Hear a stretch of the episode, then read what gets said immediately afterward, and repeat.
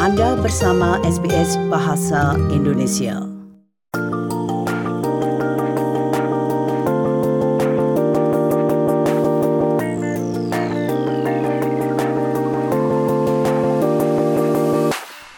Memiliki pemahaman dan kemampuan dalam berbahasa Inggris dapat membantu Anda menjalani kehidupan di Australia dengan lebih baik. Dalam setiap episodenya, program ini akan menjelaskan tentang istilah atau ungkapan yang dipakai di Australia. Anda akan dapat meningkatkan keterampilan bahasa Inggris dan belajar lebih banyak tentang Australia dengan cara yang menyenangkan. Anda siap?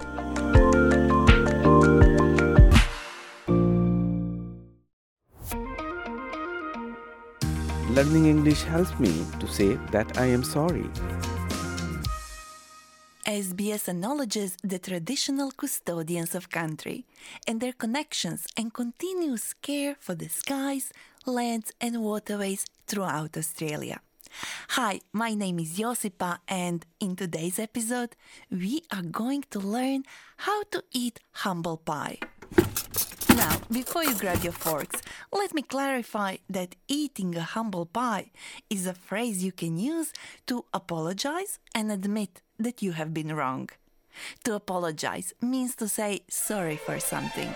I'm sorry, so sorry.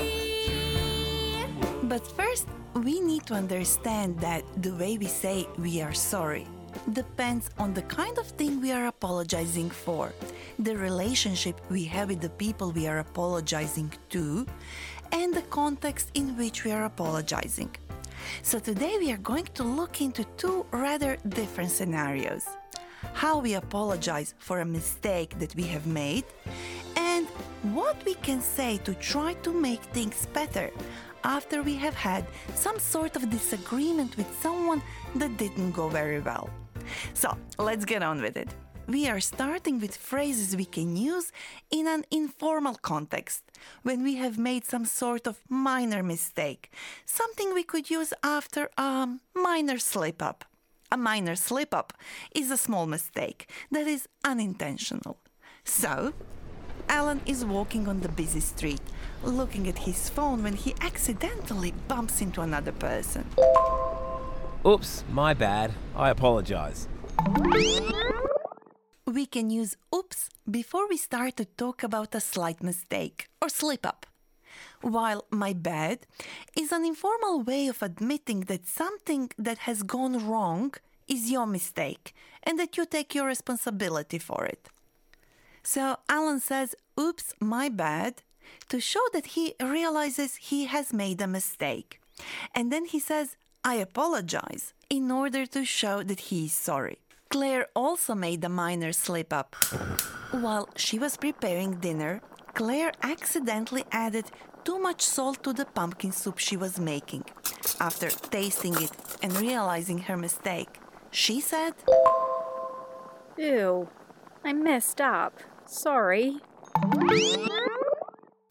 To mess up something is an informal way of saying that we have made a mistake or done something wrong. It can be used in a lot of different situations. Let's see. So, it can be used when we haven't got something right, like Claire's salty soup. Here's another example.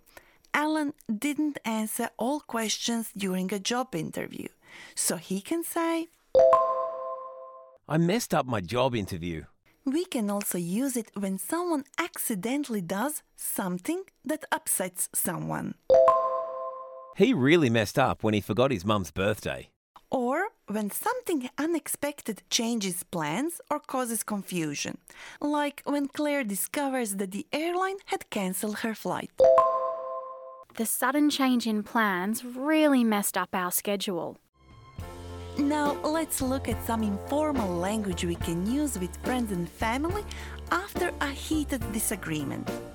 The first thing to remember is that just disagreeing with someone isn't necessarily bad.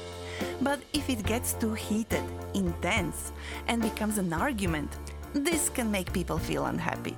So, if a disagreement becomes an argument and we say things we didn't mean to, then we may feel sorry afterwards and want to apologize.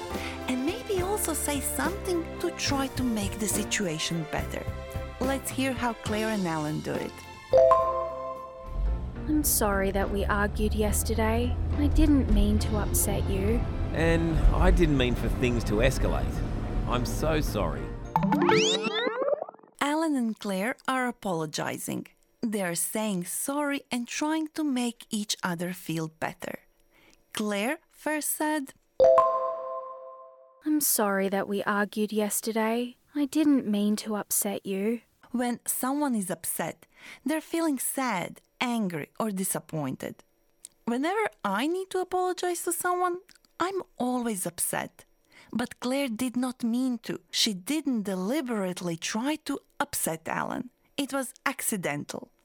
And then Alan said, And I didn't mean for things to escalate. I'm so sorry. Similarly, Alan didn't want things to escalate. He didn't deliberately try to make the situation worse. I'm sorry. So sorry. With friends and family, we can usually use informal language. But when we apologize to people we don't know very well, or to people in professional setting, we tend to be more formal. Basically, an apology in a professional setting can be a cool breeze that clears the air and creates the basis for understanding and collaboration in future. When we say sorry, particularly to someone at work or when we don't know them very well, our apology often has four parts. First, we say sorry. Then we take responsibility for what we have done. Then we try to make things better. And finally, we show that we really don't want it to happen again. Sorry. For example, yesterday, after a heated discussion with her colleague, Claire felt bad. When she arrived at work today, her first action was to approach her colleague and offer an apology. I'm sorry. I may have got a little heated in our discussion yesterday. I do apologise and I hope that it won't affect our working relationship. In this apology, Claire says she's sorry, acknowledges that she may have done something wrong. She apologizes for it more formally as a way of trying to make things better between them, and shows that she wants to continue working with the person she has argued with. If that person is her boss, she might even say, I promise, it won't happen again. So, after apologizing, we can also suggest a way forward, as in, I'm truly sorry if I have hurt your feelings. I really didn't mean to. I hope we can find some common ground and move forward. I want to apologise for getting heated yesterday. I shouldn't have lost my cool. Can we forget it ever happened and move on? They both sound like they want a fresh start, right? A fresh start is a new beginning, a chance to start over in a positive way. So, let's look at the phrases they used. Claire said, I'm truly sorry if I have hurt your feelings. I really didn't mean to. I hope we can find some common ground and move forward. Claire wants to minimize further conflict. That is, she wants to avoid any further serious differences of opinion by trying to find a starting point for discussion that they can both agree on, some kind of common ground or shared understanding. In the same way, Alan said, I want to apologise for getting heated yesterday. I shouldn't have lost my cool.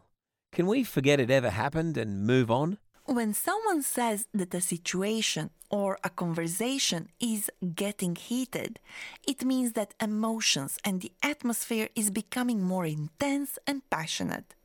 So Alan admits that he became heated, something that did not help to keep the discussion calm and professional. I shouldn't have lost my cool. I shouldn't have lost my cool is an expression you can use to acknowledge that you got too heated. I'm sorry. So sorry. Throughout Throughout this episode, Alan and Claire express their regret. Do you know what regret is? A regret is feeling of sadness, disappointment over something that has happened. It is a sense of wishing that a past action, decision, or event had been different or had not occurred at all.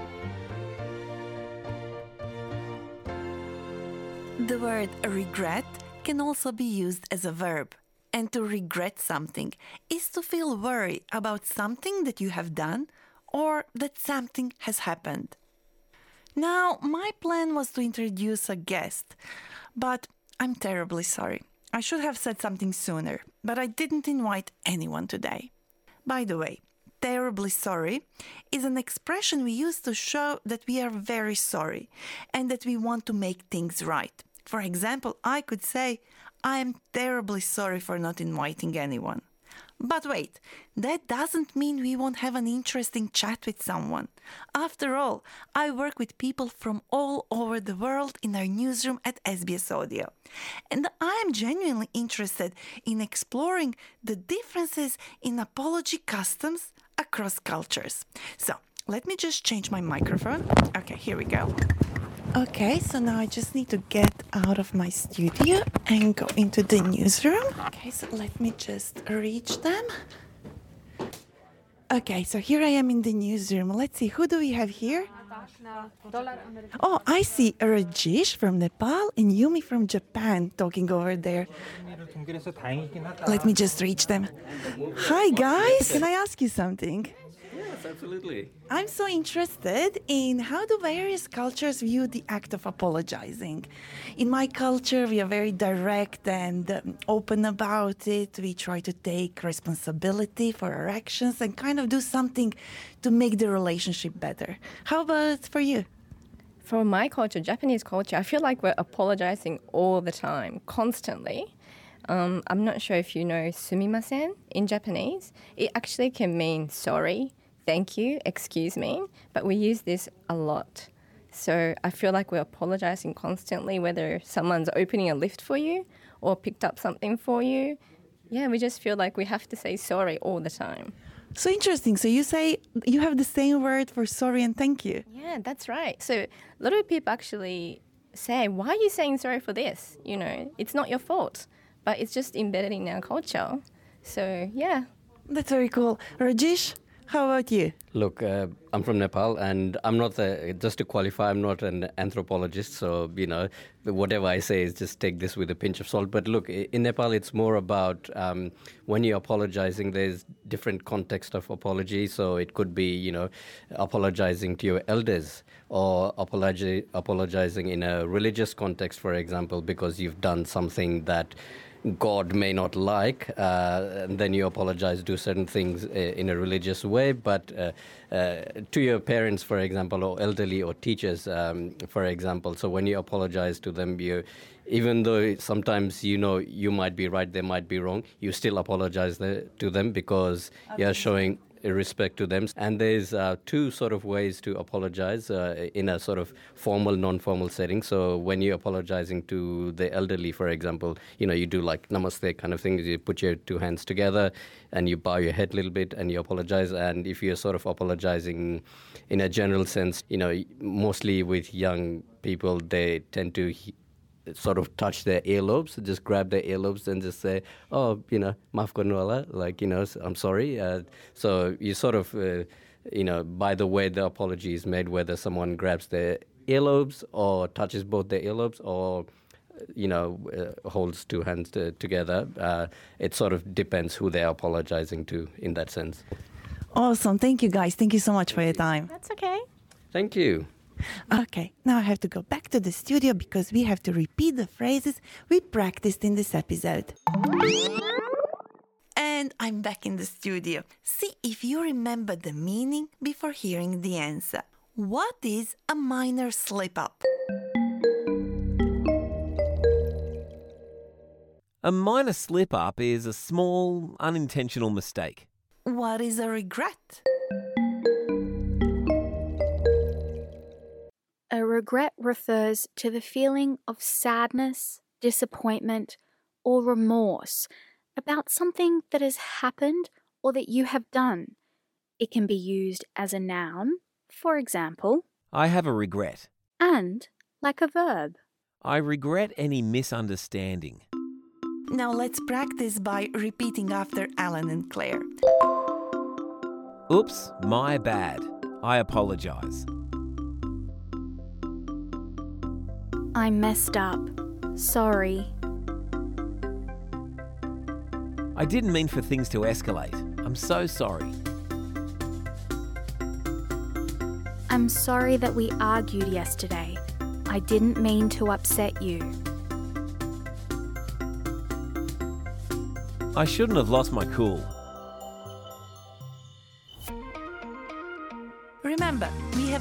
Phrases listed on our website. Just visit sbs.com.au slash learn English. We are also on Facebook. Why don't you reach out? Oops, my bad, you already did. We are SBS Learn English. I'm Josipa. Thank you for learning English with me. You've been listening to an SBS Learn English podcast.